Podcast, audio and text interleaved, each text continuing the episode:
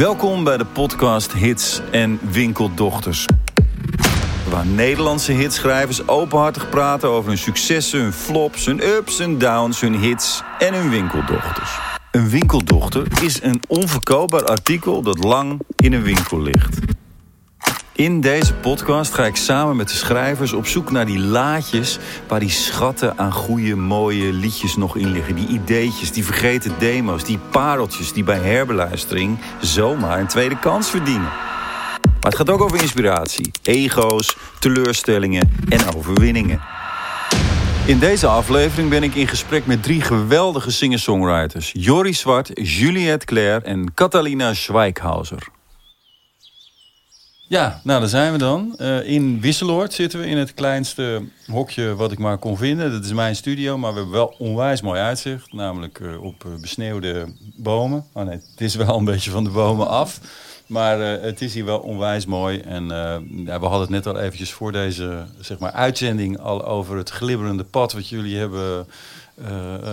hoe heet u iets? Getrotseerd om hier te komen. Dus ja. dat vind ik echt super te gek. Uh, we hebben het ook al even over de ANWB gehad. Want Jori die, uh, he heeft uh, de ANWB ja. zeg maar aan, aan haar broek gehad, toch? Klopt. Ja, de, de, de accu was, was kapot gegaan. Ja. Kapot gevroren, denk ik. Dus ik heb een nieuwe gehaald bij QuickFit. En ze hebben me geholpen met uitgraven. Twee sponsors, QuickFit, oh ja, ja, en, QuickFit en, en AWB. Ja. Top. Die hebben we dan bij deze eventjes uh, even genoemd. Nee, was het maar waar. Ja, nee, we hebben uh, Catalina, uh, Juliette en Jori hier te gast in deze podcast. Ik wilde het iets anders doen. ik heb steeds één op één gesprekken met allerlei interessante songwriters. maar ik wilde A, eens een keer wat vrouwen spreken. Het viel me gewoon op dat het eigenlijk raar genoeg nog helemaal niet gebeurd was. Terwijl we al volgens mij aan serie 8 bezig zijn. Nou, dat is natuurlijk totaal uit verhouding. En ik wilde ook wat aan het format een keer doen. Uh, om het niet één op één te doen, maar met z'n allen. Dat leek me wel leuk. Nou, misschien heb ik dan straks heel veel spijt. En uh, dan hebben we dat ook weer geleerd. Kippenhok. Ja, maar het mag ook wel een kippenhok zijn. Gewoon. Ik heb jullie uitgenodigd omdat ik jullie... Heel hoog op zitten qua songwriting. En ik ook denk ik trouwens vind dat jullie allemaal een beetje op een andere manier weer iets doen. Misschien komen we daar straks ook op. Jullie hebben alle drie eigenlijk verschillende stijl. Uh, van songwriten. dat heeft denk ik ook te maken met wie jullie als artiest zijn. Want jullie zijn ook gewoon nog performing artist, zoals dat dan zo mooi heet in het Engels. En um, daarin hebben jullie ook een compleet eigen uh, stijl. En uh, nou, ik ben ook heel benieuwd hoe dat werkt, hoe je, hoe, hoe je daarmee omgaat, dat soort dingen. Um, heel eventjes voor de uitzending uh, deden we natuurlijk al een klein rondje, een klein proefje. Het ging ook een mooie falikant mis met allemaal gates die het niet deden, maar dat doet het nu. Um, en we zaten heel eventjes te kletsen, Juliette, met jou over, over waar nou eigenlijk jouw zwaartepunt op dit moment ligt in je songwriting. Is dat voor jezelf of is dat voor andere mensen? Ja, op dit moment eerlijk gezegd een beetje voor mezelf. Ik doe af en toe nog wel een writing camp als het corona-proof is. maar ik haal er op dit moment het meest uit om voor mezelf te schrijven. En dan met name gericht echt op de dance-industrie. Oké, okay, want in, dat is wel jouw, als ik dat zo mag zeggen, core business? Ja, ja. Toplines. Ja, toplines. Ja, en toplines moeten we dan uitleggen voor de nerds onder ons. Ja, nou, een topline is uh, eigenlijk gewoon een, een zanglijn, uh, een catchy zanglijn over een dance track. Uh, tegenwoordig liggen toplines en songs niet zo heel ver meer van elkaar af. dus het heeft ook een popstructuur tegenwoordig. Maar het heet nog steeds toplines in de dance-industrie. Want eigenlijk zou je gewoon kunnen zeggen, je, je verzint de melodie van een track en meestal de tekst ook dan nog, of ja, niet? Ja. Ja. Ja, ja, het is eigenlijk gewoon hetzelfde als songwriter. Maar ik weet niet uh, hoe het is ontstaan, maar in de dance zeggen we altijd toplines. Ja, want jij, Catalina, doe jij dat ook nog? Uh, ik doe ook toplines, maar ik denk dat ik iets meer uh, in de pop scene werk. En Jules, ja, Jules en ik kennen elkaar ook al heel lang. We hebben heel veel samengeschreven. Um, ik doe iets minder in de dance. Ik doe het ook wel. Maar ik ben iets, min, iets meer gericht op uh, met de artiest werken en uh, in de popindustrie. Ja, maar is het inderdaad zoals jij zei vervaagd? De, zoals Juliette dan zei, vervaagd? Dan vraag ik dan weer aan Catalina. Nou is ja, het een... Ik moet je heel eerlijk bekennen dat ik ben echt deze industrie wat ik zeggen, ingerold. Uh, en ik heb gewoon ooit gehoord dat iets een topline heet. En ik noem het altijd zo. Mhm. en uh, dus eigenlijk leer ik op dit moment iets waar het vandaan komt. Maar ik noem het eigenlijk gewoon songwriter. Ja. Ja. ja ik vind het allemaal zo ingewikkeld. Dat klinkt Je schrijft gewoon een liedje met elkaar, toch? Ja. Het is allemaal een onderdeel van het liedje. Ja, het is echt een beetje een, eh, een industriewoord geworden hoor, de ja. toplijnen. Nou ja, je kan ook, je zou kunnen zeggen uh, dat, nou ja, voordat ik, voordat ik daar een nou ja, statement over wil maken, maar uh, ik wil er wel wat over zeggen, namelijk, maar Jordi, is, is, dat ook jouw ding of is, ben, ben jij helemaal weggebleven bij de toplines voor de dance? Nou, eigenlijk de afgelopen tijd niet. Want ik ben, ik ben vooral afgelopen jaren heel veel op tour geweest. En uh, nu met corona ben ik weer vol uh, gaan schrijven. Mm -hmm. En uh, ook voor anderen. En ik ben ook in de toplijn zien terechtkomen. en dat vond ik yeah. heel grappig. Want ik werd uitgenodigd door uh, een groep die heet Fireworks. En die zit in Groningen. Dus ik dacht in eerste instantie... Ik ben eigenlijk altijd een beetje lui om dan helemaal naar Groningen te rijden. Maar goed, dat deed ik. En, uh, en ja, inderdaad, een topline camp of zo. Norm, normaliter is, voelt dat voor mij ook als songwriting. Want je bent een melodie aan het schrijven en een tekst. En... Maar deze jongens waren echt topliners. En die hadden gewoon vier akkoorden. En die hadden ze gewoon van YouTube afgeript. Mm -hmm. ja. en uh, die zeiden, nou, we willen hier dan drie verschillende toplines op. En dan pitchen we het aan ons netwerk. Uh, ja, en dat gaat voor mij dan heel anders dan een liedje schrijven. Want het moest ook alleen maar bestaan uit uh, misschien een, heel, een hele korte verse en een hoek. En dat is het. Ja. Dus het mocht ook niet langer dan een minuut zijn. En uh, dat vond ik wel heel interessant. Ja. Ik dacht, oh ja, dit was voor mij ook wel een nieuwe manier om. Ja, precies. Ja, het is inderdaad, zeg maar. ja, het is inderdaad in de dance vaak zo van uh, je krijgt een e-mail met gewoon iets wat al klaar is en ga hier maar op topline inderdaad. Ja. Of gewoon op een paar akkoorden. Uh, maar met een sessie begin je vaak helemaal met niets. Ja. maar dat kan ook voor de dance. Dus ja. Ja. Ja, en ik kom ja. ook een beetje uit wat Cataline zegt. Met ja, de artiest precies. een liedje schrijven. Ja. Een beetje, ja, de, ja. gewoon lekker de oldschool manier. Ja. Wat, je, wat, je, wat ik net wilde zeggen is dat, je, dat er wel een, in die zin een verschil is. Want ik kom echt uit de oldschool uh, songwriting dan. Uh, niet alleen gezien mijn leeftijd, maar ook echt, weet je wel, qua nog gewoon met, met z'n allen in een ruimte zitten en zeggen: Oké, we hebben niks, we gaan wat, wat maken. En uh, wat, uh, wat mij opviel toen ik zelf ook voor danceproducties wat dingen ging doen, uh, was dat ook met name de verdeling zo anders was. Dat, dat ja, daar schrok ik ja. een beetje van. Want ik was altijd van, uh, nou ja, we gaan met z'n allen een kamer in en dan begin je met z'n allen en dan weet je wel, dan gaat de weegschaal, gaat de deur uit, we maken met z'n allen wat en that's it dan, weet je wel. Dan splitten we met z'n allen alles. Maar de dance was echt, was eigenlijk voor mij iets heel anders, zeg maar. Want ik, ik ja, daar moet ik dan bij vertellen dat ik. En misschien klinkt dit echt super oude lullig, hè? Maar ik was dus met. Ik vond altijd dat het wel handig was als mensen ook nog akkoorden konden spelen en dat soort dingen. En weet je wel, dus een soort kennis hadden van ja. harmonie en dat soort dingen, weet je wel. En dan dacht ja. ik, oké, okay, als je dat kan, dan ben je ook een writer. Dus dan schrijf je mee. Maar ik, ik liep gewoon inderdaad tegen mensen ja. aan die hadden uh, akkoorden geript. In principe een beat door iemand anders laten maken. Ja. En, en eh, mixte dat in elkaar en ik maakte daar dan een, een topline op. Dus een, ja. een, melodie en een tekst. Ja. En, en, uh, en kwam er tot mijn uh, uh, grote verdriet achter dat ze vonden dat ik eigenlijk maar een heel klein gedeelte van het auteursrecht mocht opeisen. Terwijl met name normaal, de producer hoor, daar, en nou ja, dat was zeker, en dan heb ik het over drie jaar terug, zeg maar, was het echt nog wel zo dat uit de DJ-wereld, zeg maar, was het zo dat zij gewoon 50% van die track pakte, zeg maar. En dat de rest verdeeld moest worden met de mensen die toplijntjes maakten en eventueel nog variaties uh, in de zongen aanbrachten. Ja, daar dat, gaat het wel fout. Ja, dat was ja. voor mij was ja. dat. Ik, ik, ik, ik schrok ervan. Ja. Ik, en, en de eerste keer dat ik ook met een, ik zal zijn naam niet noemen, maar met een nee. DJ daar niet zozeer een aanvaring, maar wel een heel goed gesprek over had, uh, had ik wel zoiets van. Hè, uh, hij zei ja, maar het is altijd. Kijk, ik krijg, dat is bij ons altijd zo. Dit, nou, dit, dat is niet waar hoor. Nee, hè? Nee. Kijk, daarom is dit, deze podcast alweer goed, nee. want dan leer ik dat ik gewoon het, ongelooflijk Het komt wel eens ben. voor hoor, dat je een, een, DJ hebt met een groot ego en die denkt, ah, ik zit 18 uur aan die productie, dus ik krijg 15 procent.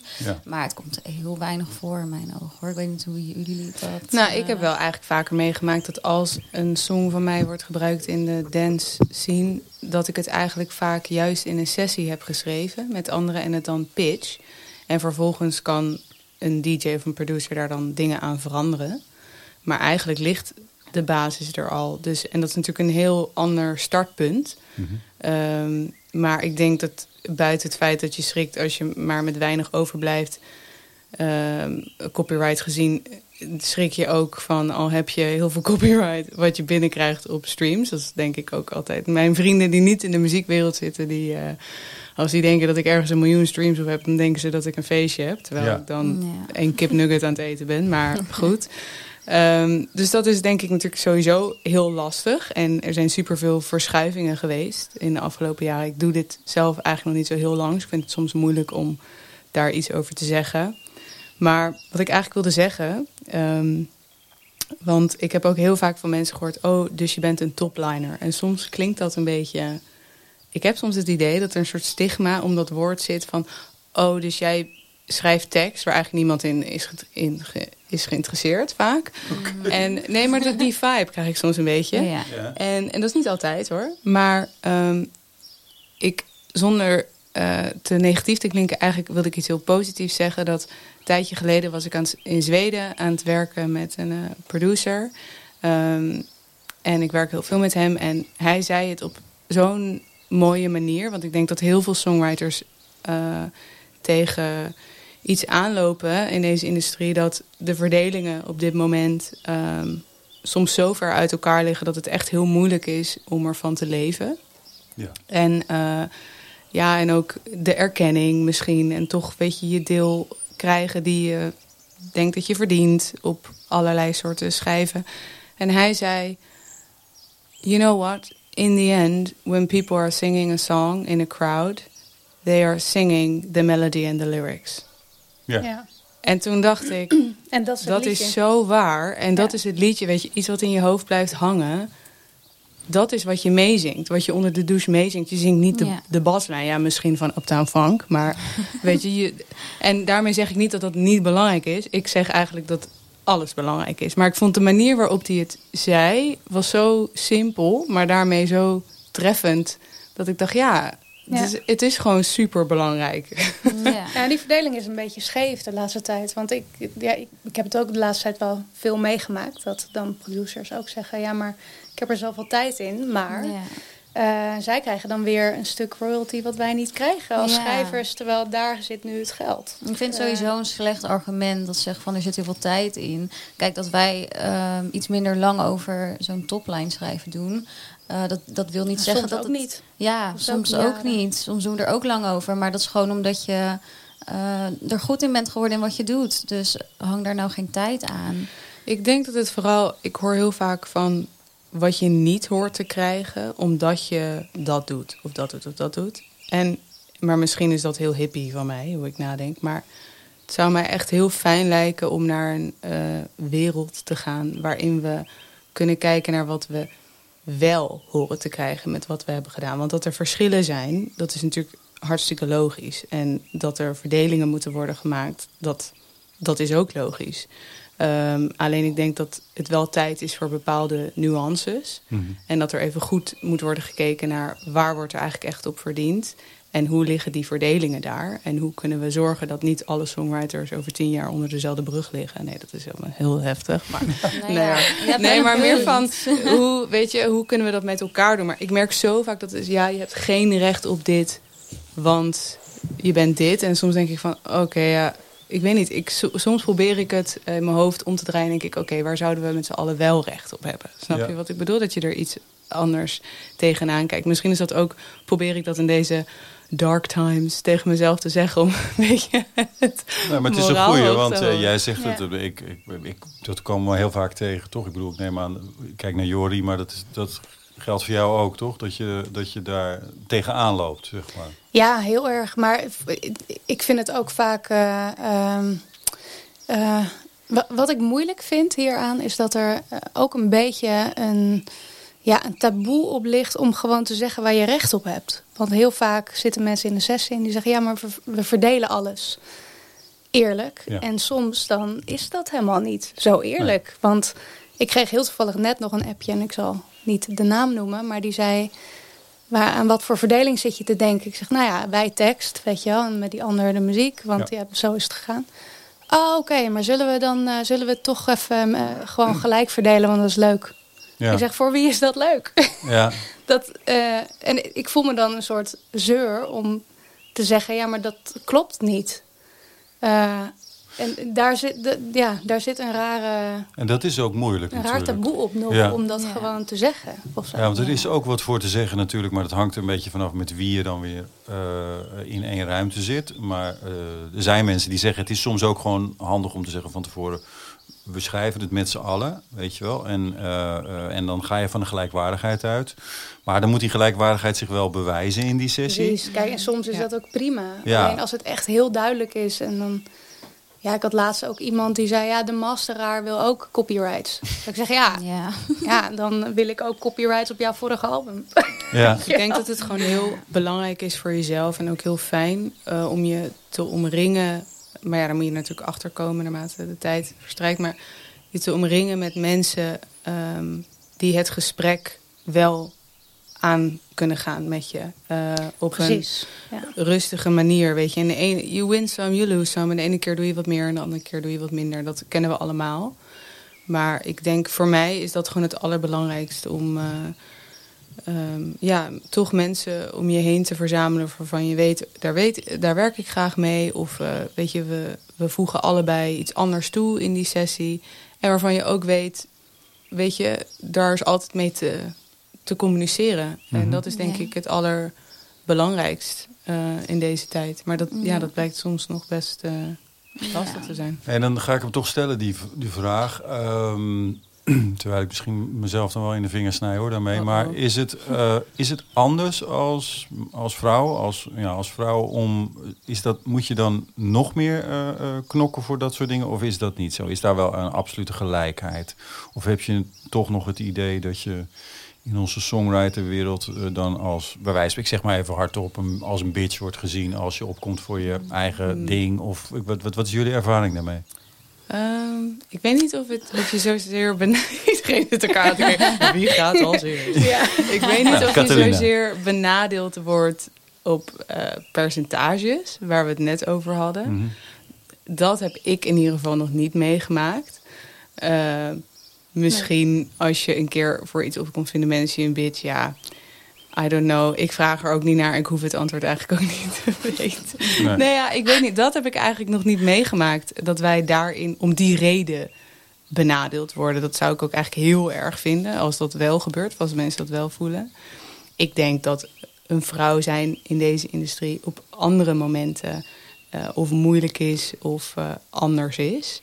Eh, en die kennen we denk ik wel allemaal. Maar ik heb persoonlijk niet meegemaakt dat dat eh, is op verdelingen of zo. Ik ook Jullie niet. wel? Nee, Nee. niet verdelingen inderdaad. Niet zakelijk, bedoel, want dat was eigenlijk mijn vraag. Ja. Of daar een zakelijke, ehm, nou ja, of je, of je zakelijk in de minderheid bent. Nou ja, zakelijk misschien wel. Wel, ja? Ja? Maar dan zeg je wat anders, dat, en dat is Ja. tof juist, maar dat, ja, dan wat, zeg je wat, wat anders dan... eh, wij onder zakelijk? Ja, dat is lastig om te zeggen. Maar ehm, ik, ben- qua verdeling ben ik ook echt nog nooit, denk ik, omdat ik een vrouw ben, achtergesteld. Maar ehm, ja, wel een beetje van ehm, vanuit de managers van oh, dat zangeresje. Eh zorg wel even dat hij dat gratis doet en eh, dit en dat. En ja. ja, eh, er wordt toch een beetje op neergekeken. Zo van, oh, dat is een zangeresje en voor jou hebben we er tien anderen. Ehm, ja, qua, qua dat heb ik het wel meegemaakt. Maar qua verdelingen, nee. Nee, want dat is de, de- ja, het is toch even een pad wat ik wel in wil. En we gaan straks keer- oh, wat je zeggen? sorry. Wat wou je, Jori? Ik ga zo door je heen. Eh, eh, nou, ik heb wel een keer meegemaakt, sorry, ik bonk tegen de tafel ook, ehm, dat, eh, dat ik te horen kreeg dat het een all-man camp was. Wat? Ja, we willen geen vrouwen, want... eh, Echt waar? Maar je hebt ook all-female camps. Echt waar? Ja. Ja, maar daar Ja, zou maar ik dus ik nooit aan meedoen, want dat vind ik gewoon raar. Ik, ik snap niet dat het nodig is. Nee. Je wilt toch gewoon eh, wilt toch een juist all niet- good people camp? Ja, maar het is ook- Ja. ja, ik zal echt geen namen noemen, maar ehm, eh, ik vroeg ook, hè, maar hoezo dan? Want ik kan dit ook goed, weet je wel. Eh, Dit is this is my area. Ja, maar ja, die producers ze gaan zich toch anders gedragen met vrouwen erbij. Ik zeg, ja, dat is niet mijn probleem. Dat is raar, weet je wel. Waarom Ja. zou je dat doen? Huh? Ja, dat is Nou, maar ben- als deze podcast voorbij is, ook wel even weten. Nee. Het is. namen en rugnummers Maar- eh, inleveren na de wedstrijd, Ja, zou ik ik vind het zeggen. wel een raar ding hoor. Want, want juist als je mannen- en vrouwencamps gescheiden gaat houden, leg je nog meer de nadruk op het verschil tussen mannen en vrouwen. Lijkt mij ook. Vind ja. ik. Maar kijk, wat Jordi net zegt, Ja. dit- ik, hier ga ik ook geen namen bij noemen, maar toevallig hoorde ik van de week. De meest gebruikte zin van deze podcast. Wij horen, ja, misschien moet hij, dat, is dat, dat eh, een hele goede titel. Ik noem geen namen. Ik noem geen namen, ja. Welkom Ja. bij de podcast. Ik noem geen namen. Samen met... Ja, Ja, samen zeggen we met- niet. Geen namen. Hey, maar eh, ik hoorde van de week een eh, nou, best wel eh, eh, slecht verhaal eigenlijk van een eh, vrouwelijk songwriter. Die eh, was gevraagd voor een, eh, voor een camp, zeg maar. Of eigenlijk bij een, een groep mensen die zaten te schrijven. En nou, dan haakt daar ook een paar uur aan. Want ze kunnen wel iemand gebruiken van jouw talent, met jouw talent. Die haakte aan. In Nederland was dat. Zover wil ik nog wel gaan. En die, ehm, zei, eh, die zei, ik kwam daar binnen en, en eh, ik werd een beetje een soort van... Oh ja, ja, oh, oh, dit is heel anders dan... Oh ja, ja, ook leuk. Dat was een beetje zo de insteek. En toen bleek uiteindelijk, zeg maar, dat zij dachten dat zij geregeld was... voor een paar mannen, jongens, daar. nee. Gewoon, ja, serieus. Nee. Dus dat gebeurt echt nog, zeg maar. Ja. Maar dat, En zij dat is in zich- elke industrie. Maar mag Nee, ik vragen maar in dat welk is- genre dat, dat- is? Nee, nee, want dan ga We ik alweer... geen eh, namen dan ga en ik geen genres. Nee, het is, Oh. ik ga niet zeggen welke, maar ik, het, het, eh, het kwam, eh, zo- eh, zoals dat journalistiek heette, uit een zeer betrouwbare bron. En, Oh, wat ehm, en, het was, en, en ik was daar eh, wel echt van geschrokken. Omdat, Ja. Kijk, tu- ik ben niet naïef. Ik heb echt wel dingen gezien en, eh, eh, waarvan ik dacht van... oké, moet ik nou twee ogen dicht doen? Of moet ik überhaupt Oh, weglopen nu? Maar dit vond ik zo, omdat het zo heel erg hierover ging. Namelijk was gewoon een, een serieus supergoeie songwriter... die daar aankwam en die eigenlijk gewoon per definitie werd benaderd... vanuit een ja, fout perspectief daarin. Bizar. En eh, dan zeg ik het eh, best wel nog netjes, volgens Ja. mij. Dat vond ik raar. Dus ik denk, ik neem hem toch even mee in deze podcast. Want dat lijkt ja, me... daar schrik ik wel van hoor. Ja. Ja. Maar wat je zei Ja, net wel, eh Katalien, van, Ja. eh, er zijn wel andere dingen waar je als dus niet zozeer van de zakelijke kant, maar er zijn wel andere dingen waar je dan als vrouw last van hebt. Nou ja, last. Ik denk, het ligt er ook een beetje aan hoe je jezelf eh, opstelt daarin. Maar het is meer dat ik... eh, ik zat hier gisteren over na te denken toen ik natuurlijk wist dat we hier naartoe kwamen. En toen, ik ken jullie natuurlijk allebei. Ik heb ook met jullie allebei gewerkt. Maar ik denk, en ik overdrijf niet, dat 95% van mijn sessies zit ik alleen met mannen. Ja. En dat vind ik helemaal niet erg. Eh, maar het, opeens, het hit me. En dat ik gewoon dacht, hoe, hoe kan dat nou dat er minder vrouwen zijn? Of dat het gewoon... Ja, soms loop je ergens, als het echt zo'n camp is... en je bent echt de enige vrouw, dat heb ik ook wel eens meegemaakt... dan loop je daar binnen en dan... Ja, dan, dan, ik weet niet, dan denk je, oh god, ik sta misschien 1-0 achter. Of dan ben je misschien die meid, weet je wel. En dan wordt er daarna, weet ik veel, dan kan je niet even snel de biertjes stappen of zo, weet ik. ik Hmm. weet het ook niet, maar het is niet per se last. Ik denk ook dat ik er niet zo heel snel last van heb. Maar ik denk wel, en dat hebben we waarschijnlijk allemaal meegemaakt... en dat is niet eh, per se in Nederland... maar soms worden er wel eens dingen gezegd... die ik soms eh, ja, toch eh, niet echt relevant vind voor de sessie... of voor het werk dat ik lever. En dat ik... Ja, ik ben daar echt heel, heel cool mee. En ik, weet je, ik, ik ken mezelf... maar soms denk ik wel eens van... weet je, je zal maar heel jong al deze industrie inrollen en gewoon echt onzeker zijn. En het, weet je wel, ehm, ja, en er niet zo heel goed nee tegen durven te zeggen of gewoon op te komen voor wie je bent. En dan, ja, dat, dat, soms denk ik daar wel eens aan op zo'n moment. Dan denk ik, oh, ik hoop niet dat dat eh, te vaak gebeurt. Maar ik weet niet of ik er per se eh, last van heb, want ik heb mezelf gewoon op zo'n dusdanige manier ingesteld dat ik gewoon denk, ja, als ik het idee heb dat ik hier niet zit voor werk, dan kan ik naar huis, zeg maar. En natuurlijk, je wordt ook vrienden met mensen, maar meer Hmm. van, eh, ja, dat doe ik hier dan eigenlijk. Ja. ja, en dat is een beetje, een beetje mijn instelling. Maar ja, ik denk dat we allemaal... Ik weet niet, het, het- ik ben niet de enige, toch? Meestal zitten we Nou, met mannen. Ja, klopt. En ik moet ook wel zeggen dat ik zit, zit sinds mijn zeventiende dan een beetje in de industrie. En in het begin was ik inderdaad onzeker, durfde ik geen nee te zeggen. En toen kwam ik wel echt vaker in die situatie ehm, uh, van, uh, sorry, ik werd even afgeleid. Ja, je bent Uh, gebeld, kwam maar ik wel mag. vaker in de wel. situatie eh, dat ik in een sessie kwam en ik dacht, volgens mij ben ik hier niet uitgenodigd om eh, een Ja. lijntje in te gaan zingen. Serieus? Ja, ja, ja, ja. Ik was heel erg jong. En, en ik durfde niet zo goed nee te zeggen. Dus ik ben wel eens in een situatie geweest. Maar daar leer je wel ook snel van hoor. Ja, weet je wat eigenlijk erg is? Want jij zegt het nu. Ja. En dat vind ik super knap. Maar ik merk eigenlijk dat ik me net heb ingehouden bij mijn antwoord. Omdat ik al een beetje denk van... Ik weet niet. Ik, ik vind het denk ik... Het is soms heel moeilijk om in te schatten van... eh, ben ik het probleem? Of weet je, ik denk ook als je net begint... dat je Ja. dan denkt van... eh, hoort dit? Of Ja. is dit een soort van rock and roll music? Van, oh, wat komt er allemaal op me af? zo. Ja. Ik weet niet. En waar, je wil ook niet eh, ja, te bot zijn. Want ja, je wil ook wel de, de opdracht. Maar je hebt natuurlijk Ja. ook een grens.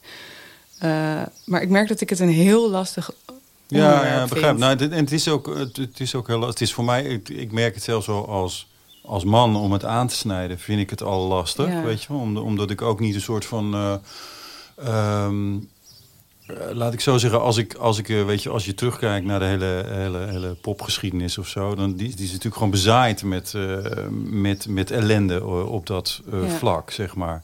Ook zeg maar mensen die, neem Ike en Tina Turner, weet je wel, dat is een klassiek verhaal gewoon van een, een, een, een geweldige uh, artiest, songwriter ook, die gewoon niet serieus uh, werd genomen totdat ze echt gewoon, weet je wel, nou ja, tot bloedens toe ervoor moest knokken. Mhm. En uh, dat is dan een groot voorbeeld. Maar ja, ik, ik, ik zie het uit mijn ooghoeken ook soms nog steeds gebeuren. En dat mm-hmm. vind ik echt wel uh, redelijk dramatisch, weet je wel. En dat is in bepaalde genres. Is het zeker niet trouwens in één genre. Het is wel in Nee. Nederland in een paar genres. En een paar is dan meestal twee.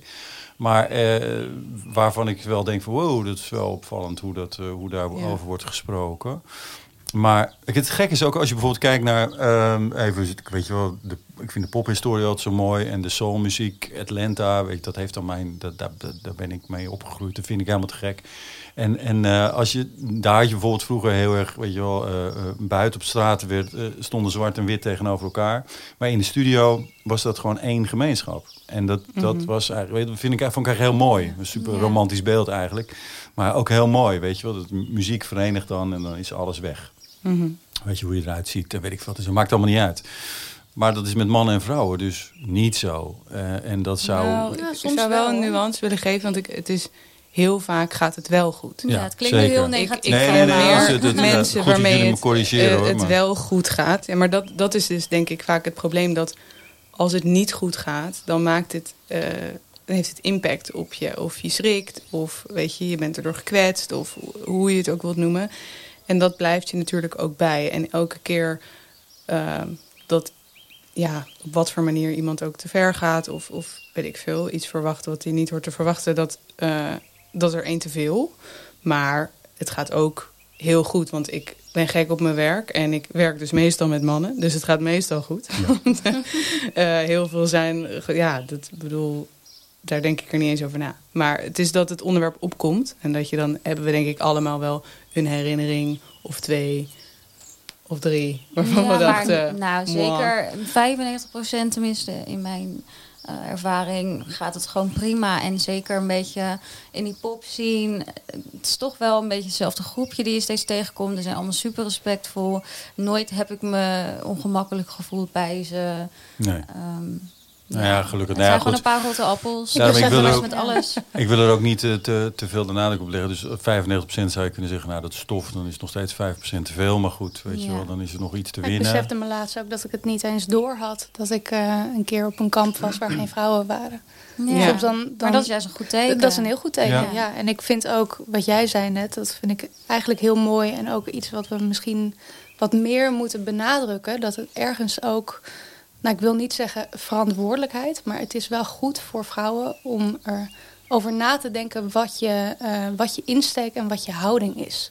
Want ja. hoe serieuzer je zelf bent, Absoluut. hoe meer je dat terugkrijgt. En ik heb vroeger wel dingen meegemaakt, maar ook de laatste tijd kan ik het eigenlijk niet. En dat heeft ja. ook met mijn houding te maken. Ja. Ja, hoe ouder je wordt, denk ik ook. Ja, of gewoon serieuzer. Ja, van hé, hey, uh, en dit en je is weet mijn wat grens. Je wil. Ja. ja, nou, dat heeft misschien ook met leeftijd te maken, ja. dat wel. Maar Eh, ik denk zeker voor, voor jonge songwriters of vrouwen die onzeker zijn. Ja. Eh, want dat zijn we ook allemaal als we beginnen. Hmm. En zeker. En nog eh, steeds, En toch? nog steeds. Je hebt nog steeds wel sessies. dat je een liedje schrijft dat je denkt, wat is dat is? Ja? Maar blijf gewoon nadenken. Oké, wat is mijn grens? Weet je? Ja. En ik denk dat dat altijd overal geldt, ook voor mannen. Ja, Dus dat, dat, dat is toch een ding. Ik merk hoe vaker ik Ja. over dit onderwerp praat, hoe meer ik denk dat moet aangestipt worden. Ja, en ook Ja, als dat je de power hebt om dat te Ja, doen. Met, absoluut. met jezelf. Gewoon het gesprek aangaan. Wat Ja, wil ik? Eh, wat verwacht ik? Ja. En gewoon... Want ik denk ook inderdaad, als je erop gaat focussen... op wat er allemaal wel niet mis zou kunnen gaan. Of ja, weet je, een opmerking dat hij misschien... eh, weet je, het is ook allemaal heel veel interpreteren. En als je heel veel gaat focussen op eh, dat het dus eh, misschien een negatieve lading heeft... eh, ja, dan kan je heel veel dingen vinden. Ja. Maar je kan er ook gewoon korte metten mee maken. En als iemand een opmerking maakt waarvan je Ja. denkt... Ik heb wel een aantal mannen een keer heel ongemakkelijk laten voelen door te zeggen: Hey, Ja. vind je dit zelf normaal? En dan, Ja. eh, Ja. Ja, dat was top. ja Nou, en dan is het klaar en dan ga je Ja. weer door. Ja, en, plus- weet je. Ja, plus gewoon goed voor jezelf weten van wa- wat is de grens. Want je kan Ja. altijd weggaan uit een sessie als het echt niet goed voelt. Ja, je kan ook altijd weggaan. Blijf Maar dan is, die serie, dan is die sessie misschien ook Nee. niet serieus. Wat jij Nee. Hey, overweg gaan uit, want laten, laten we deze afronden. Volgens Ja, mij ja, hebben het we... wordt Ja, steeds leuker. Nee, nee, ik, ik, vind het, ik vind het hartstikke goed dat, het, dat we even aanstippen. Het moet ook weer niet de belangrijkste hoofdmoot wo- worden, want jullie geven zelf het percentage aan. Dus, dus, eh, eh, dus gelukkig is Gaat die balans. Ja. gaat de goede kant op. Eh, maar over weglopen uit ses- sessies eh, eh, eh, gesproken. Wie van jullie is wel eens even niet om dit onderwerp, maar gewoon omdat je dacht van... waar ligt bij jullie de grens dat je denkt, ik zit hier nu al een paar uur, eh, dit gaat hem niet worden? Of eh, doen jullie dat überhaupt niet? Ja, jawel hoor. Jorri, Jorri. Oh ja, eh, ik, nou, ik zit na te denken. Ben ik ooit wel eens weggelopen? Nee. Ik zie Catalina heel erg lachen. Nee. Maar ik, ik eigenlijk niet. Ik ben nog nooit weg. Ik heb wel een keer gehad dat ik dacht... nou jongens, we komen er echt niet uit. En eh, dat was in L.A. weet ik nog. Maar dat was wel met een fantastische schrijver... waarvan ik dacht, ja oké, Jori... Relax, sit this one out, weet je wel. Dus ik hield gewoon wijselijk mijn mond. Ja. Eh, en ineens kwam hij met, nou ja, toen, toen kwam het goed. En toen dacht ik, ja, oké, zie je, soms moet je ook wat geduld hebben. Maar eh, En, nee, waar- ik ben, ja, en waarom ging en waarom? Ja, ik zag het inderdaad ook gebeuren. Ja, waarom, wat, waarom waren Juliette daar en, ben ik wel Ik denk dat wij wel zijn weggelopen. Toch? nou, Juliette dan als Jullie eerste. samen ook? Nee, Vertel. nee, Nee, niet samen. niet samen. nee. Maar, Maar- ik ken Jules een beetje en Jules ken Ja, ja, ik, ja. Nou ja, dat was op een riding camp. En ehm, het begon al dat ik in een groep werd gezet met, met een producer. En die had drie vrienden meegenomen. Maar die vrienden die maakten geen muziek. Dus dan heb ik al zoiets van...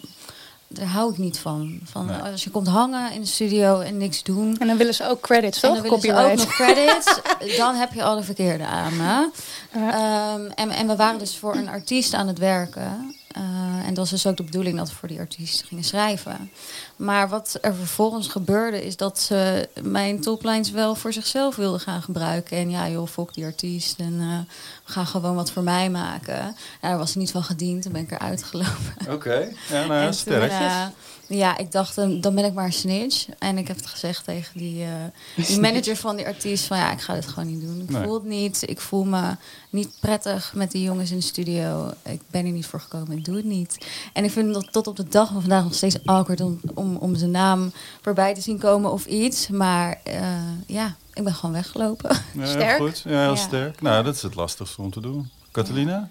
Eh, ja, ik ben wel eens weggelopen. Ehm, nee, het klinkt nu alsof ik dit heel vaak doe. Dat is echt helemaal niet zo. Want ik heb nul moeite met dat iets heel lang duurt... of dat je aan het einde van de dag denkt... deze halve song die we hier hebben, laten we eerlijk zijn... het is hem niet. Dat gebeurt hartstikke vaak. En dat is denk ik ook een soort process. Weet je, niet elke dag is een hit. Ehm, dus daar heb ik geen moeite mee. Maar ik, ehm, ja, ik ben wel weggelopen. Maar één keer was dat eigenlijk... eh, eigenlijk niet zo heel veel met mij te maken. Maar twee andere mensen kregen echt heel veel ruzie. Eh, en het was niet meer goed te maken. En ik zat daar van, ja, is het nog... Weet je, komt het nog goed? Van, zullen we nog iets doen? En dat werd eigenlijk een heel hier nog ongemakkelijk geschreven over worden? tafereel... waarin ik als een soort van ratatouille uit die kamer ben verdwenen. En ik denk eigenlijk dat ze het niet door hadden. Want ze hadden volgens mij flinke ruzie. Ze na een Eh, uur om zich heen keken. en Ja, ze dat was heel, dus eigenlijk is dit verhaal echt helemaal niet interessant. Maar goed, ja, het was Kennen heel zij vreemd. elkaar goed? Of? Nou, ik, ik- het was in het buitenland. Ik, Het was voor mij de eerste keer, maar volgens mij kenden zij elkaar wel al. Maar goed, eh, ja, daar gebeurde iets. Maar, ehm, en een andere keer, eh, omdat ik inderdaad eh, het idee had dat ik daar niet zat voor de juiste redenen. En dat op een gegeven moment heb aangekaart. En misschien vroeg van, wat, weet je, wat zullen we doen vandaag? Of wat, wat is het idee? En dat was met iemand die ik overigens erg veel talent vind hebben. Ehm, alleen ik merkte eigenlijk dat dat iemand was die beter alleen met zichzelf kan schrijven. En dat Hm. is helemaal niet erg, want je hebt allerlei soorten mensen. Je hebt mensen die heel graag willen kaatsen met ideeën en dan heel goed gaan. Of je hebt mensen die eigenlijk op zichzelf heel goed schrijven. En ik merkte, deze sessie was opgezet, maar ik merkte eigenlijk dat deze persoon het liefst zijn, alleen zijn eigen ideeën hoorde. En daar eigenlijk het, ja, niet echt een, een co-writer was. Nee. Ehm, en dat hij het eigenlijk ook helemaal niet leuk vond. Dus dat was meer, en het was niet een boos wegloop, maar meer dat ik zei van, dat- ja, ik heb niet het idee dat je het, dat je het heel leuk vindt. En het, ja, Want je wordt natuurlijk wel, eh, wij, Ja. jullie, we al, wel altijd in een situatie geplaatst waarin je maar moet hopen of je mensen vindt die willen kaatsen, toch? Eh, Ja. die, want dat is wat je zegt, wat je nu zegt, is een best een moeilijk ding voor eh, in co-writes. Het is super moeilijk, maar ik denk, ik denk serieus, wat ik het allermooiste vind aan songwriten. En ik ben dus wel iemand die heel graag met anderen schrijft. Ook weer niet met te veel. Dat vind ik dan, mm, word een soort van overprikkeld. Maar drie en dan, of vier, dat is wel een soort van mijn ding. Maar liefst drie. Ja. Ehm, maar ik vind niks mooier dan ideeën kaatsen. En ja, ik heb met jou een paar hele mooie platen eh, Mhm. daardoor gekregen. En met jou doe ik dat ook graag. Ehm, en ik vind het magische moment dat als iemand iets zegt en iemand zegt iets anders en dat valt samen, Ja, dat is, dat is serieus de reden tweetje, dat ik dit dat- doe. Ja. Ik vind dat toch zo waanzinnig. Dat, ja, ik weet niet. Ik denk niet dat dat gevoel ooit ehm, gaat vervelen of zo. Maar dan is dat, is Ja. dat dan zeg maar, dan zit je dus in een onwijs mooie vibe. Ja, zit je in een wijs mooie vibe. Maar eh, je, je komt dus ook mensen tegen die, zoals je net uitlegt en zoals jullie voor, denk ik ook allemaal hebben meegemaakt, zoiets hebben van ja, maar dit, dit is voor mij en hier mag je niet aankomen, zeg maar. Hè? Want dit is, dit is mijn. eh, ik, wil- hoe, hoe ga jij daarmee om, Jori? Want jij zal dat vast ook wel hebben meegemaakt. En Wat bedoel je precies? Nou, dat mensen eigenlijk gewoon eh, het moeilijk vinden om als ze iets bedacht hebben, bijvoorbeeld, om dat dan weer uit handen te geven aan degene die meeschrijft. Oh, om te ja. zeggen van joh, eh. Maar zou je het niet dat of dat doen? Eh, Dus misschien ego of zo zou kunnen. Ja, ja, ik heb altijd een beetje pick your battles. Soms als ik dat, dat merk, dan denk ik van oké, wat ga ik hiermee doen? Mhm. Weet je wel, eh, voor welke artiest is dit? Ja. Eh, als ik echt voel van hey, ik, maar ik kan jou echt iets, iets bieden waar je zelf heel veel aan hebt. Ook al, ook al weet je het nog niet, dan, Mhm. dan, dan ga ik hem wel doorduwen. Ja. Eh, en soms dan denk ik, oh ja, je wil je eigen ding. En dan, eh, nou ja, dan loop ik soort van weg. Maar dan Ja. in, op een manier van, oké, dan wil je dat. En, eh, En het is ook geen wetenschap, hè? Dat is ook lastig. Het, is niet Ja. soort van, het zijn niet allemaal feiten. Nee. ehm, in Maar, deze... ja. Ik merk wel dat ik ben heel erg begonnen eh, als songwriter, ehm, zeg maar, met ja, de platen die ik schreef. Ik moet alles zelf doen. Dat was vroeger mijn motto. Van oké, alle platen die ik schrijf, moet ik zelf schrijven. Eh, en ik begon, ja, ik denk rond mijn 22ste of zo, begon ik met het samenschrijven van mensen. En toen dacht ik, wow, dit is vet leuk. Mag dat? Ja. Ja, het is Gewoon leuk, hè? letterlijk. Ja. Ik vind Toen het dacht zo ik, leuk. ja, tuurlijk mag dat. Mag dat ook voor mijn eigen werk? Ja, tuurlijk mag dat. Ik had een soort ergens... Mag dat? Ja, Wie vroeg jij dat letterlijk. dan? Mag dat? Voor Nou, je aan eigen mezelf. werk? Ja. Oh, Oh, wat, zeg je? ja, voor je eigen werk. Wie- ik vroeg. Nee, maar meer van je zei, mag dat? Maar dat vroeg je dan eigenlijk gewoon aan jezelf. Ja, ik ja, dacht, letterlijk. Jij bent toch baas? Ja, nou ja, ik, ik dacht vroeger van ja...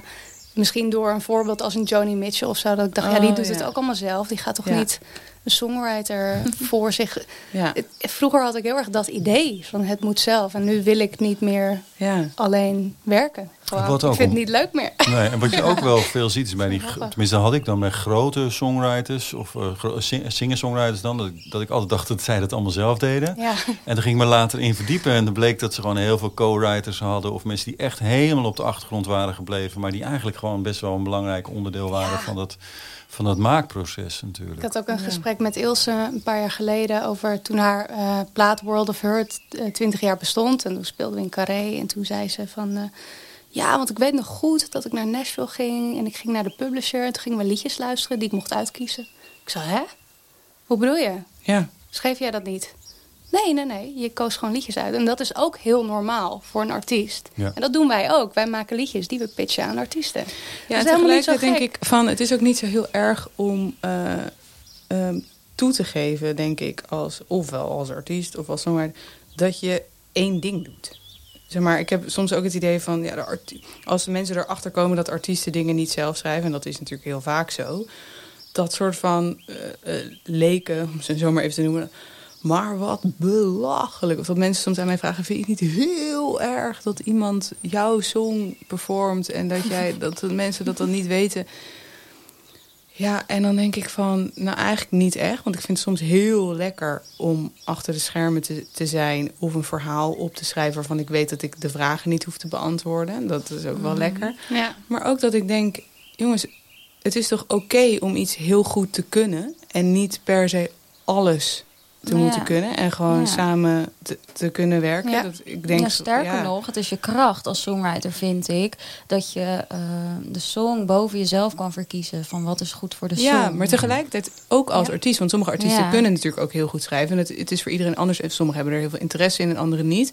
Maar ook als artiest om te kunnen zeggen... weet je, ik kan gewoon mega goed zingen en dansen. Songwriten, niet echt mijn ding. En dat is ook oké, want dan zorg Dat je dus dat je de Ja. beste song krijgt uiteindelijk. Ehm, Dus ik vind het... En dat kan ook nog beide. En het kan ook, maar er zijn zoveel eh, nuances, weet je wel. Ja. Het kan allemaal, maar het is, soms valt het me op dat mensen dan zeggen... ja, wat belachelijk dat ze dat dan niet zelf hebben gemaakt. Ja, denk ik, nou, terwijl weet je wel, eh, hoezo is dat zo belachelijk? je maakt je maakt eigen toch auto toch elkaar- ook niet zelf? Nee, je, Je zet toch kiest ook niet beste. alle onderdelen de- in elkaar. Ja, ik bedoel, eh, ik vind het niet zo raar. Nee, maar het zou natuurlijk mee te maken kunnen hebben dat mensen bijvoorbeeld, nou ja, ne- neem, neem iemand als, als Marco Borsato bijvoorbeeld, weet je wel. Ja. Eh, John Eubank is denk ik zijn, zijn hofleverancier voor de meeste songs die mensen kennen. Zo langzamerhand is dan wel bekend geworden dat hij dat eh, natuurlijk doet. Of deed, doet. Maar eh, het is wel zo dat mensen nog steeds... eh, ik kom nog steeds mensen tegen die eh, dan zeggen van... het liedje wat Marco heeft geschreven, dat of dat, weet je wel. Ja. Terwijl het toch echt in de pers is wie er dingen voor hem hebben gedaan of zo.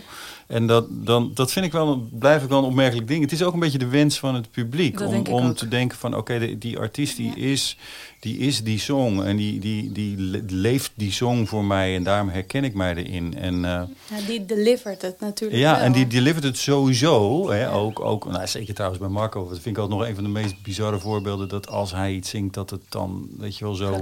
Als ieder ander die ik zijn liedjes hoor zingen, haak ik altijd meteen af. Maar als hij het zingt, dan geloof ik Ja. het gewoon.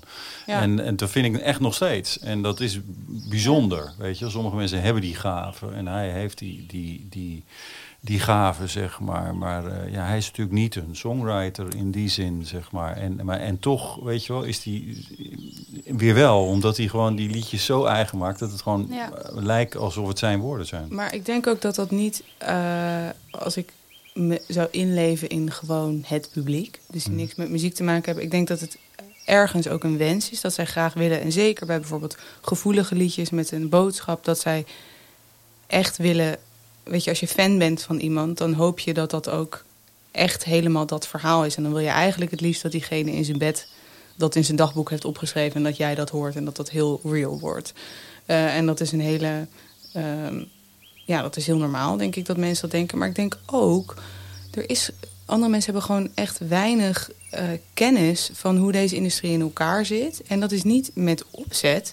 Ze weten het gewoon niet. Ik denk dat mijn vrienden echt niet weten dat je een credit button op Spotify hebt. Nee. Nee. Maar echt niet. Alleen ik denk de dat wij de enige zijn die erop klikken. Wij zijn de enige en onze ouders misschien. Ja. Maar, eh, Ja, nou, ook weet je niet eens hoor. Nou, mijn moeder wel hoor. Ja, die is echt. Ah, en sterker nog, laatst was ik eh, bij een verjaardag van mijn vader en die vrienden die kwamen langs. En eh, een van die, oh, een van die, eh, zijn vrienden is een wetenschapper en die zei: Goh, het gaat wel goed hè. Ik zie dat je heel veel sessies hebt. Ik zeg: Ja, ik heb nu superveel sessies, is leuk. Ah, te gek, fijn dat je wat verdient dan nu. ja. Ik zeg: eh, Hoe bedoel je? Ja, nou ja, elke sessie, wat is je dagfee? Ja. Ik zo, Ja. Was het Nou, maar zo. eh, Ja, ja, ja, ja. Zo werkt dat niet. Hè, hoe bedoel je dat? En hoe werkt Ja. dat dan? En, Ze maar- denken dat we rijk zijn ook. Nou ja, maar het, Ja, het, maakt niet. hè? Heel vervelend. Ja. Het is meer het ding dat er eh, dat het eigenlijk wel, en daar kwam ik achter en daardoor ook veel Mhm. met eh Okke en met jou over gepraat. eh, ehm, Ook een punt voor de mensen thuis. Punt, eh, over dit ding. En eh, daarom is het gewoon goed, zonder daar een oordeel over te leggen, om gewoon vaker te vertellen hoe dit in elkaar zit voor Ja. ons. Maar het is bijzonder omdat je weet, je, ik heb dus een even knie van, van deze podcast. Is er, eh, is, het draait al heel lang vanuit Amerika en The Rider is. Superleuk, Ja. echt om, eh, om naar te Ja. luisteren. En eh, af en toe pik ik er eens eentje uit. En laatst had ik nou Rogers opgezet. Ja. Nou, en dan, dat is, een, dat is een, een grootheid natuurlijk, weet je wel. Chic, alles heeft hij meegemaakt. En nee, je wil eigenlijk niet weten, de, de track record is bizar gewoon van die man. Het is een hele leuke podcast, hele relaxed dude. Die gewoon, misschien omdat hij alles al heeft meegemaakt, ook super relaxed is. Totdat het over rechten eh, gaat en over de verdeling. En hij zei eigenlijk iets heel grappigs. Wat ik eigenlijk, en dat wil ik ook wel aan jullie vragen. Omdat je natuurlijk ook de, de performing kant nog steeds... eh, en nu even natuurlijk qua corona niet. Maar die, die maakt wel onderdeel uit van jullie eh, bestaan.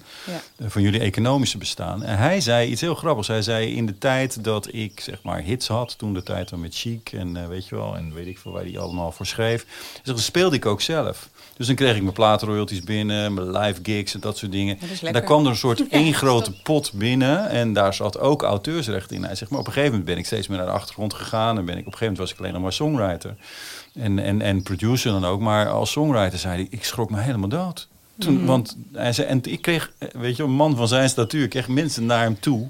In zo'n groot land ook, met andere verdiensten nog. En ik kreeg mensen naar hem toe die zeiden van, nou, hier moet je wel echt gewoon multimiljonair op zijn geworden. Hij zegt, maar toen zat ik gewoon met vijf mensen in een room om te schrijven. Ja, en het ligt denk ik ook waar je songsucces is. Hè? Ik denk dat andere mensen dat ook niet weten. Weet je, radio, online, de verschillen daarin. En misschien is het goede een voorbeeld wat het heel tastbaar maakt. Wat natuurlijk dat eh, artikel wat laatste, was het in het Parool? In Of, Trouw. eh, in Trouw stond. Ehm, ja, heel simplistisch uitgelegd. Wie verdient er nou eigenlijk aan die track? Ja, dat was een heel Dat goed artikel artikel. heb ik helemaal niet gezien. Heel goed. Ah, het is een heel, heel Ja. interessant artikel voor de mensen. Dat kan je gewoon terug, terugkijken. Dus, Ja. dus een paar hele, hele kleine kritische kanttekeningetjes bij. Want de Sena-rechten Maar waren... meer het, meer het plaatje was gewoon heel... Het was zo simplistisch dat ik dacht, dat vind ik bijna knap dat het zo... Het was een eh, koek, hè? Eigenlijk gewoon, toch? Een Ja. koek met happen eruit. Ja, echt. Ja, Dus, ja. eh, Ja, dat, dat is was wel- het is. Ja, ja, jullie krijgen het allemaal koud. Maar we moesten het raam Nee, nee, openzetten voor de, voor de coronatocht. corona. Ja. Ja, Ja, jongens, we zijn toch goed bezig. we, zijn, we hebben het hartstikke koud, maar we zijn goed bezig. ja. nee, maar ik denk dat dat ook gewoon, weet je, en ergens begrijp ik ook wel dat, ja, ik doe nu alsof het hele, de normale mens die niet in de muziek zit, eh, dat hij dat niet weet, maar soms ook, het boeit ze misschien ook niet. Want let's be honest, het boeit mij helemaal niks wat er in de voetbalwereld gebeurt en Nee. wie er achter die speler staat en hoe die deals gaan. I don't, I don't care. Dus ik, vind dat weet dus er ook niks van. Ja, maar, nee, maar dat Voetbal, kan. hè? Maar Ja. iedereen heeft natuurlijk onderwerpen waarvan ze denken, leuk dat liedje, maar het boeit me eigenlijk Nee, ja, helemaal niks hoe het Ja. tot stand is gekomen. En Ja. dat kan. Weet je, dat is voor ons misschien heel moeilijk om eh, echt te beseffen, omdat wij zoveel passie hebben voor wat we doen. En Nou. bij elke song, weet je wel, eh, wij En- weten wat voor hoeveel emotie erin Ja. zit. Ja, en we willen dat mensen het weten, omdat we het dus zelf niet eerlijk vinden. Dus we willen eigenlijk nog ons gelijk ja. halen bij het grotere publiek, toch? Anders dan zouden we het Ja, niet... maar zou, is Ja. het ook nog niet iets anders? Mag ik dan aan jullie vragen? Is het ook niet gewoon omdat als eh mens, je moet ook weer gevraagd worden. Eh, eh, als je moet een bepaalde status opbouwen, zodat mensen zeggen, oh, die wil ik heel graag mee werken. Die maakt mooie ja, dingen. dat ook. Het Ja. is ook toch wel een beetje je uithangbord. Eh, dus het is toch wel fijn als mensen weten dat, Ja. dat je achter een bepaald succes zit. Of is dat niet? Of Nou hoeft ja, dat Ik niet? heb dus als het de- idee dat, dat in de industrie zelf, de mensen die het moeten weten, die weten het. En eh, daaromheen is in mijn ogen dan weer niet zo belangrijk. Maar is, Ja. dat, is dat zo? ja, dat, denk ik dan. Nou, dat vind ik eigenlijk. soms niet. Want soms eh, hebben we het dan over een liedje. En dan zeg ik, oh, heel tof dat die dat heeft geschreven. En dan zegt iemand anders in die kamer, oh, echt? Dus het staat hij op die track? En dan denk ik? Precies. In Dus- de industrie. Ja, Ja. ik vind dat best wel vaak gebeuren. Ja. Maar ik denk inderdaad, voor, voor ons... eh, het is het enige wat, wat we hebben, weet je wel. En daarom is het denk ik ook heel goed dat er nu een credits button is bij op Spotify. En dat die dingen Mhm. steeds meer komen met heel veel... eh, ja, ammunitie krijgen we dat voor elkaar. Of ja, we, er zijn mensen die vechten voor ons Nou om ja, dat te het doen. is ook goed. Want het maar het is heel goed. Ja, Ja. het is het enige wat, wat wij hebben. En inderdaad, eh, eigenlijk is het dat is de only, ja, de enige reclame die je voor jezelf kan maken. En het is eh, denk ik super belangrijk dat dat gebeurt. Ik vind het ook altijd heel cool als artiesten. Weet je, je hoeft echt niet in elk interview te zeggen wie dat heeft geschreven, maar gewoon. Dat, of als ze een keer een shout-out. Ik weet nog dat ik een keer naar eh, Pink, die stond. Was dat vorig jaar of het jaar daarvoor op Malieveld? Ik heb het idee dat door corona een heel jaar Ja. is weggegaan. Ja. Dus ik weet nooit meer wanneer iets is. Maar Pink, allerlaatste keer op Malieveld. eh, niet normaal goed. Eh, en dan staat ze daar in die show al drie kwartier bezig.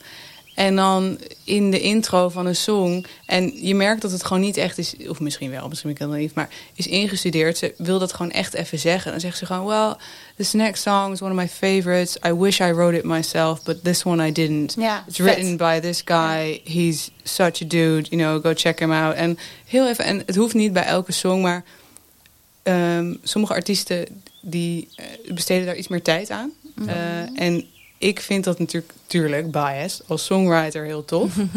Ehm, maar ik vind het ook, ja, ik denk dat dat toch dat, dat, dat sharen is. Waar ik, Ja, eh, ik vind het ja. wel netjes, Ik- persoonlijk. ja, ik vind het ook netjes. En ik vind het ook gewoon cool. Niet iedereen zit er hetzelfde in.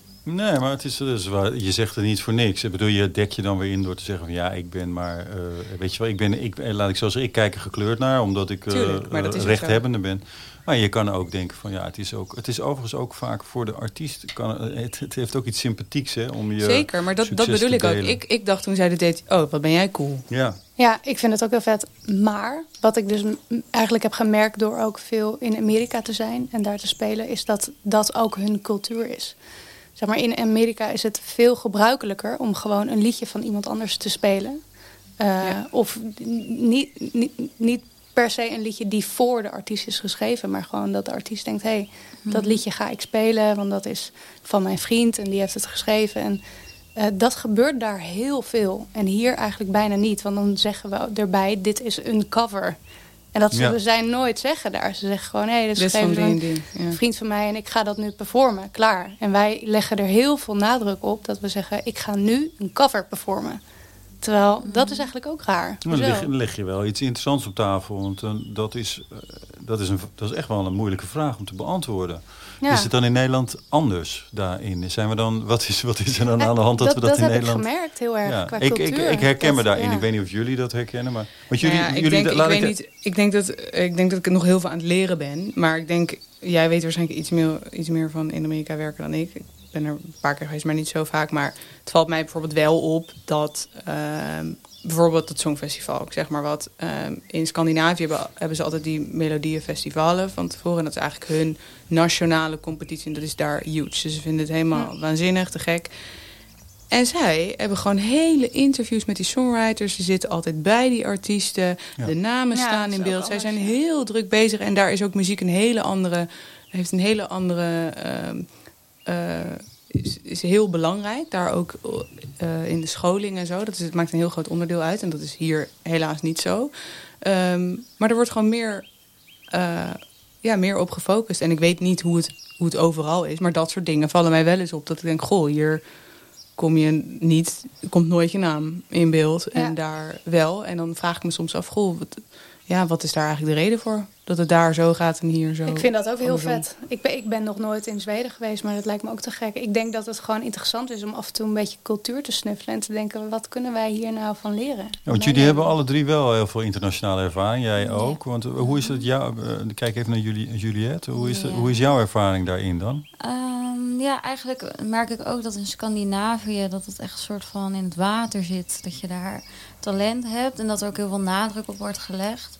Eh, en in Nederland is het echt zo van, eh, nou ja, dat je op een verjaardag komt en oh, doe je nog zingen? nou, Zit je nog zingen dan? oh, oké, Wat maar... leuk dat je van je hobby je werk hebt Wat, kunnen ja, maken. precies. Ja. Ik wou Oh, net God. gooien. Wat leuk zeg. En ehm, oh, ga je meedoen aan The Voice? Oké, maar hoe gaat het met je werk dan? Want dan denken ze dat, dat muziek niet je werk is. Nee. Ehm, het, het wordt, het wordt niet zo heel En serieus waar ligt dat dan aan, genomen. jongens? Ja, Kunnen, we- waar kunnen, we, wij nou in één Nee, wel zin... waar. Jules is jarig. Die heeft vanochtend nog deze vraag gekregen. Ja. Nou, ga dan met je niet zingen. Ja, Ga, zingen. Eens even een liedje zingen voor ons, Sjoe. Ja. Is gezellig. Ik heb het één keer trouwens aangedurfd om tegen iemand te zeggen die, die een installatiebedrijf had, die dat tegen mij zei van joh, eh, hey, eh, gitaar, ga even een Oh, liedje zingen. En Toen verschrikkelijk. zei ja, is goed, maar mijn kraan is stuk. Wil je mijn kraan dan ook even Ja. maken? Dat was op een verjaardag. Nou ja, maar dat, dat, precies. dat, dat werd ook niet echt gewaardeerd hoor. Nee. Dat was eigenlijk was ik, ik was een soort uh, bitch ja, maar uh, eh, gast. kijk, het is, je ja, bitch. het is een keertje leuk, maar je hoort gewoon altijd, "Ah, waarom doe je niet mee Voice on? Eh, lekker op televisie. En dan denk ik, oh, Ja. Ja. altijd naar diezelfde vraag. Het wordt gewoon niet Maar heel dat doen ze serieus overal. genomen. ja, maar dit is... eh, En, en in, in het buitenland heb ik zoiets dat je meer wordt aangeprezen. Maar dat, ja, dat kan maar ze heeft het, met zijn. onze, heeft het met onze landsaard Ik denk dat het de nuchterheid is van Nederlanders. Ik denk maar, dat het heel veel verschillende factoren zijn. Ik denk inderdaad wel. Maar dat, he- ja, dat zijn er zoveel. Ik denk wel dat mensen hier, weet je, doe maar normaal, dan doe je al gek genoeg. Ja. Weet je, een songwriter met een kruk en een gitaar, dat, dat, is, dat is wel ongeveer wat ze kunnen handelen. Ja. En in het buitenland, weet je, in Amerika, sky is the limit. Zeg maar, als je Ja. daar zegt, ik, ik kom aan in een raket. dan is het good for you. Ah, dan is you. In een toppers raket. eh, die Ja. komen gewoon eh, in een Tuurlijk, raket en je hebt altijd uitzonderingen. Maar ik denk dat er daar meer... eh, ja, dat... Ik weet niet, dat ze daar iets verder gaan en dat ook Ja. gewend zijn misschien. Iets gekker dan hier. Ja. Maar ja, en ik denk ook dat het dingen zijn zoals...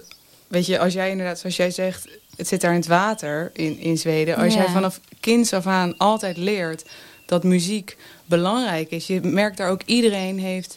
Elke publisher eh, levert een x aantal studio's aan zijn writers. Dus ik, altijd als ik daar ben, denk ik... Jezus, wat een chille plek is dit. Ik wil daar ook een, allemaal- Kat. Ja, eh. Ja, ja, ik hem ga mee. Ja, ga mee. Ja, Eh, to. veel vrouwen ook Ja. eh, Ja.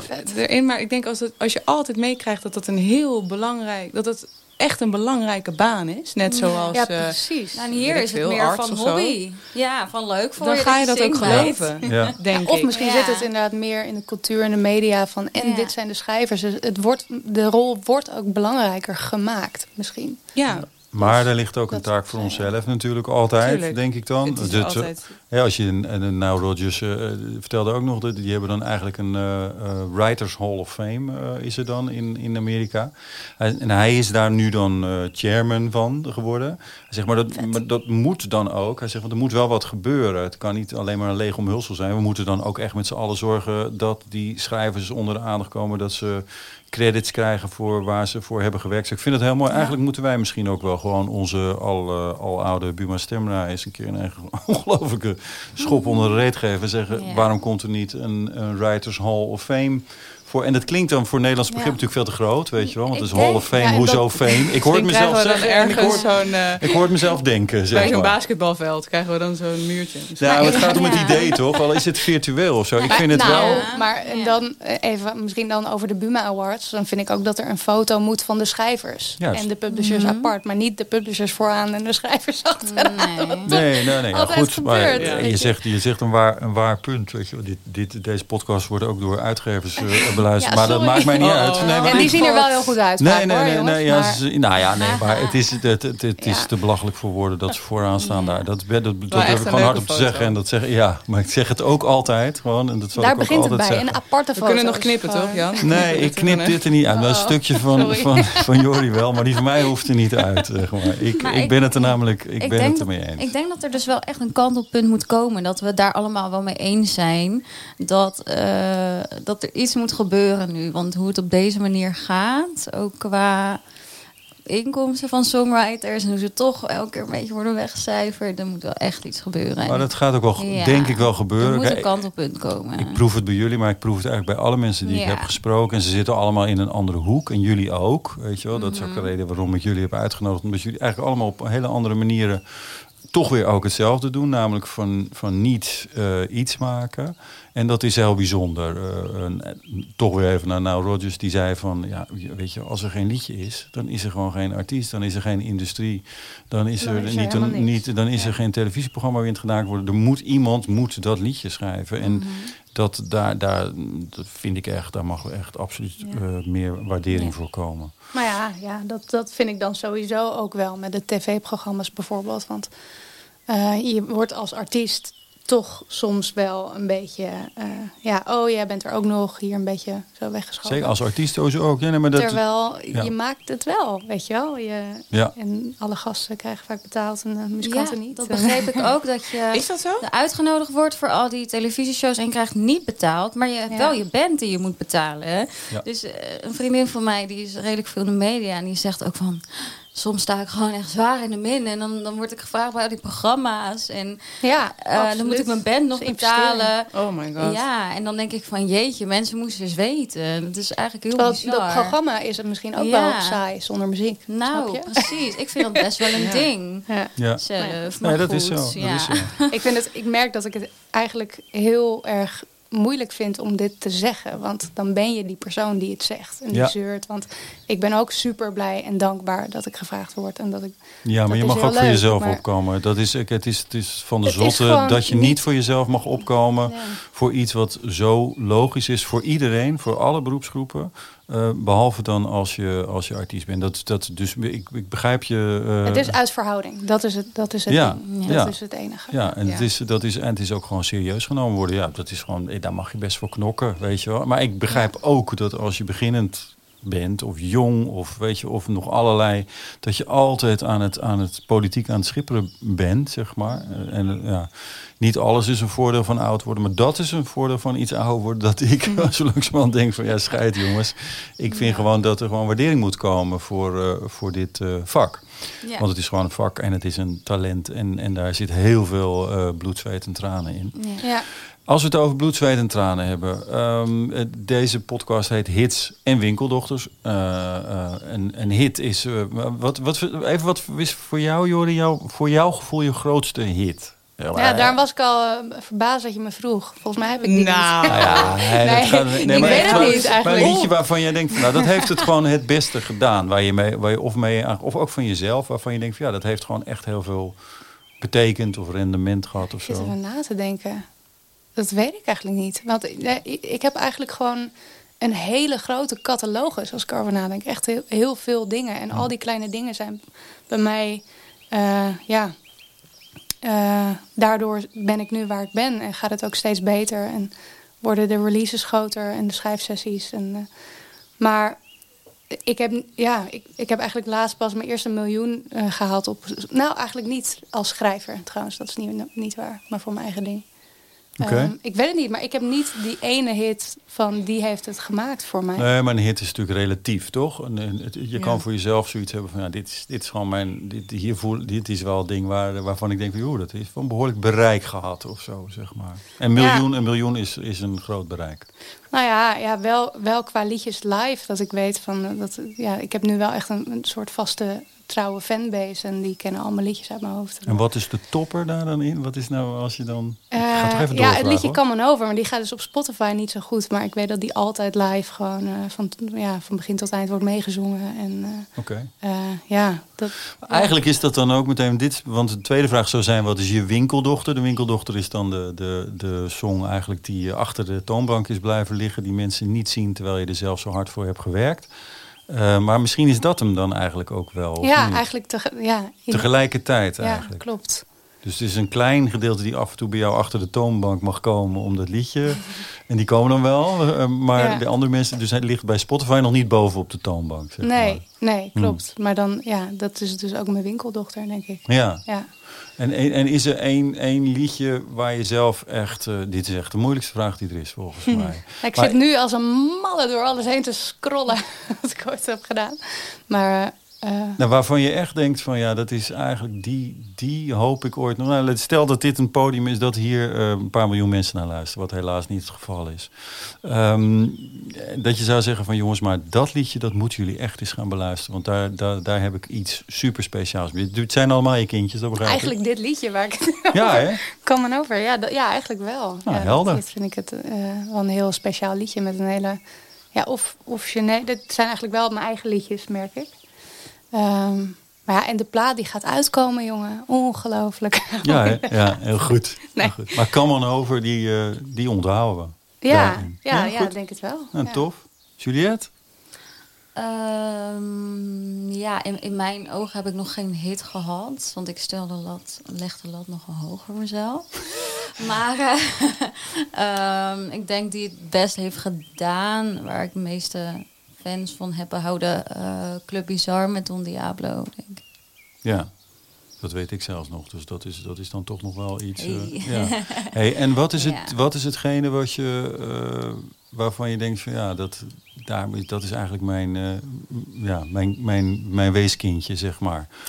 Um, ja, ik heb het, altijd het rare ding dat, dat de nummers waarvan ik denk, deze ja. gaat het goed doen.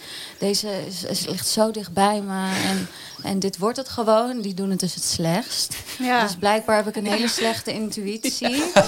Ja. Um, maar noem eens een titel. Ja, Bad on Emotions. Hoe lang geleden is die? Oh, twee jaar of zo. Oké. Okay. Ja, dat was echt een parel. En ik dacht, dit, dit is het gewoon, jongens.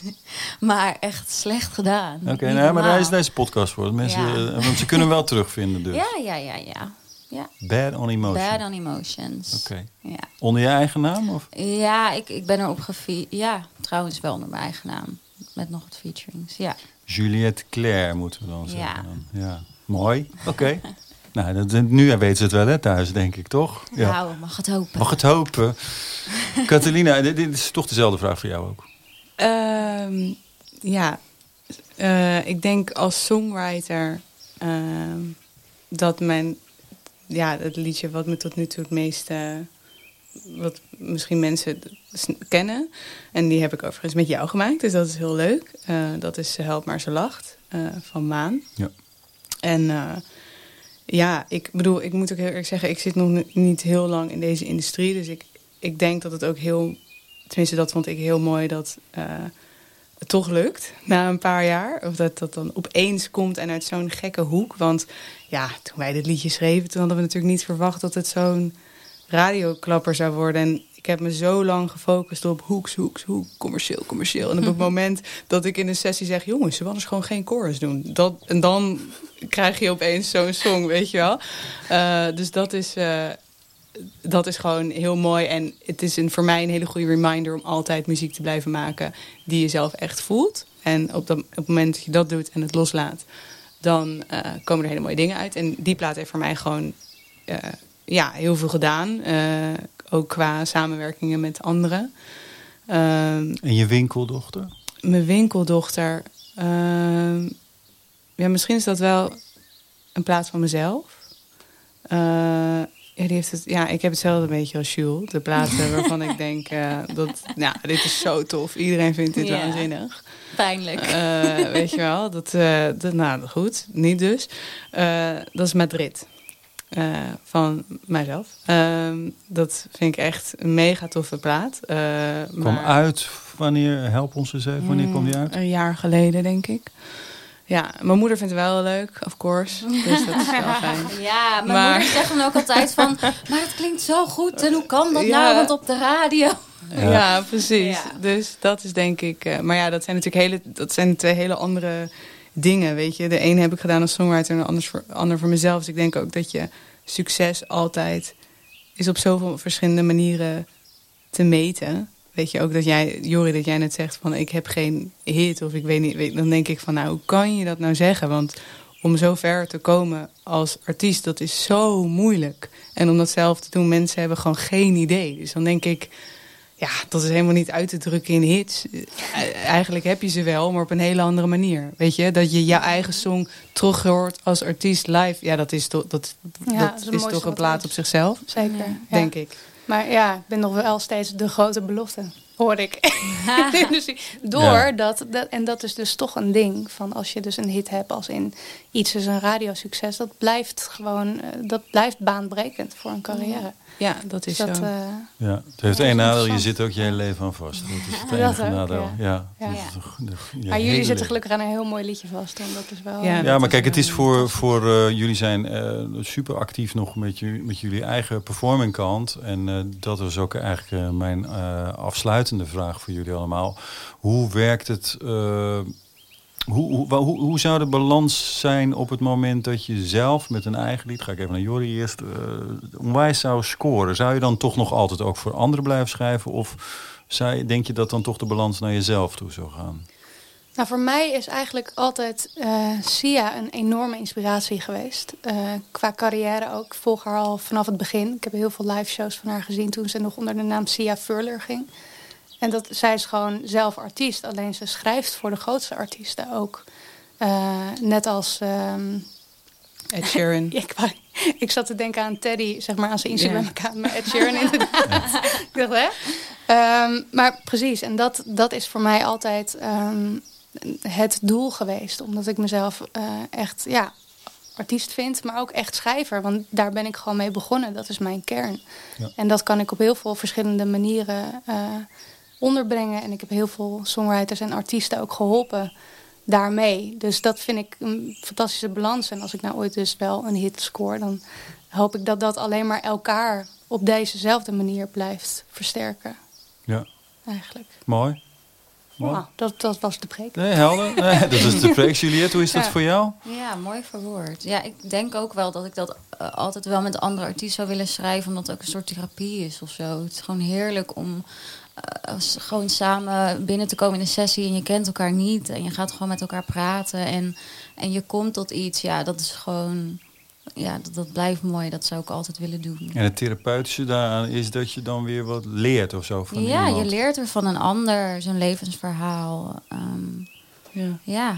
ik vind dat gewoon heel bijzonder. Dus ik denk dat mooi. ik dat zou blijven doen. Ja, ja mooi. En jij, Kathleen? Um, ik zou ook altijd uh, beide willen blijven doen. Ik denk dat je af en toe...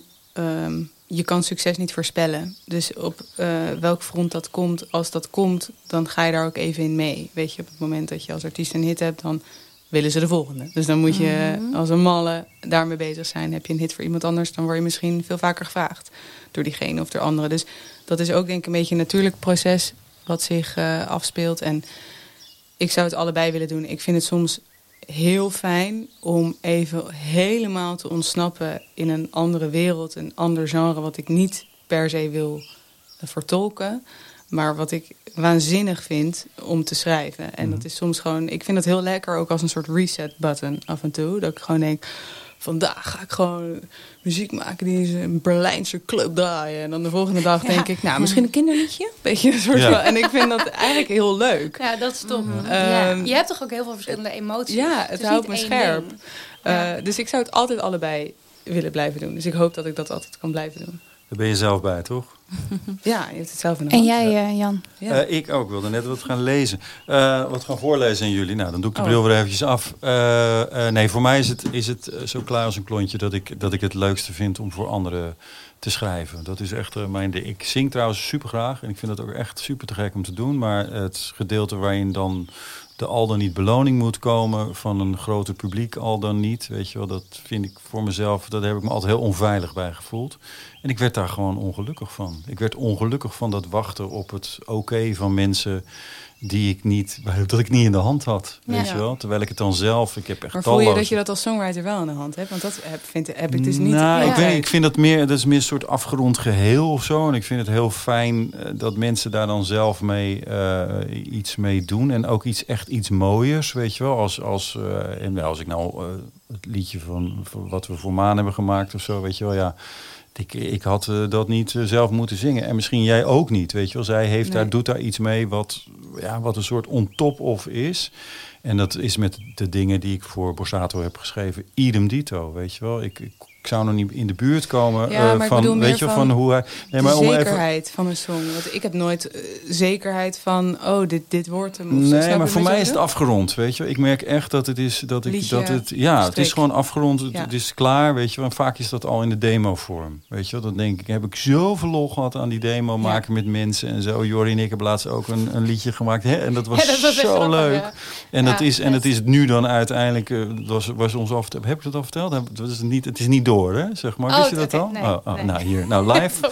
Wees, het is niet door bij de, bij de artiest waar het dan voor Maar bedoeld dat hadden we ook was. wel een beetje verwacht, toch? Ja, maar het, was, maar het proces en het maken en dat laten prutsen en dan weer doorsturen. Wat vind je hiervan? En Het was ook weer een heel ander proces dan, denk ik, wij normaal ook doen. Ja. Ja. ja. maar het was wel puur. Dat bedoel ik eigenlijk. Ja. En dat is hoop dat dat voor jullie, weet je wel, dat is eigenlijk het. Want ik vind zelf dat liedje maken, dat vind ik het, het allermooiste. En er met jullie over kletsen, en dat vind ik ook super te gek. Nou, heb ik een, heb ik een brug gevonden? Dat is echt. eh, ik ga er mijn beroep van maken. hey, luister, ik heb een. eh, hier moet ik wel de bril even op. Ehm, al de gasten eh, geven een zin door. Zinnen door aan de volgende gasten. Nou wordt dat nu wel ontzettend lachen, want ik heb er nu natuurlijk ineens drie.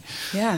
Eh, ik, ik ga eh, puur op jullie intuïtie en op jullie eh, aanstaan. En het mag echt heel slecht ook, hè? Want dat mag ook, hè? Want er zitten echt gierend grappige dingen tussen. Ik wil eigenlijk alleen maar, en ik ga gewoon het rondje af. Oh god. Eh, ehm, nee, laat ik het nog moeilijker maken. Ik ga Oh niet zeggen wie ik de beurt geef. Oh, Dus ik lees op wat er tot nu toe is ge- ge- gemaakt. Oké, En ze hebben allemaal, er zitten heel veel e's en a's en dat mag allemaal hoor. oké. Ehm, maar iedereen heeft wat gezegd ter plekke. Dus alle schrijvers, eh, Glenn Faria, eh, nou ja, de- de- iedereen is voorbij gekomen. Ellen Clark heeft echt een bizarre, grappige... Het is ook niet meer terug te vinden wie wat heeft gedaan. Dat is ook Oké, leuk. dat is ook leuk. Weet ik alleen maar. En als je de podcast echt helemaal goed uitpluist. Ehm, dus ik ga gewoon beginnen. Ik vertel wat er tot nu toe is geschreven. En dan geef ik op een gegeven moment iemand het woord en daarna iemand anders. Dit wordt echt super spannend. De zinnen tot nu toe waren. Wat was het goed vandaag, hè? Alle honden die voorbij liepen gaven me een knipoog. Ik dacht, het lijkt wel of ik droom, maar niets is minder waar. En in de verte ging de zon onder. Ik strikte mijn veters en deed een eerste stap. Diezelfde hond snuffelt langs de muren op zoek naar... Ja, naar wat? Naar de schuimkoppen op het mooie meer... dat ik door het raam bekijk en de hemelse luchten...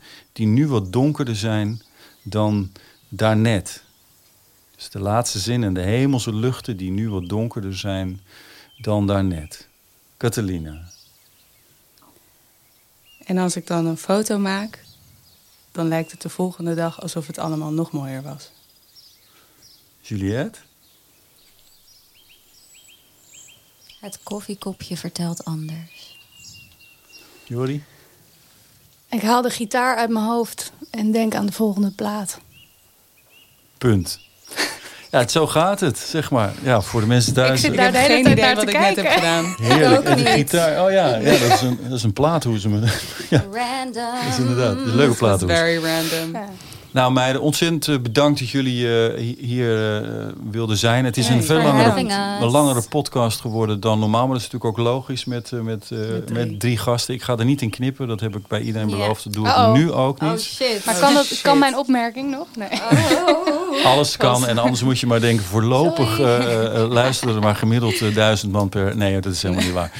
Eh, nee, het is, eh, ik, ik, ben, ik ben echt oprecht eh, super vereerd dat jullie eh, echt zo openhartig zijn geweest. En, en, eh, en we ook gewoon over alles hebben kunnen kletsen waar we wat mij betreft over hadden kunnen kletsen. Dus eh, ik kan jullie alleen maar toewensen.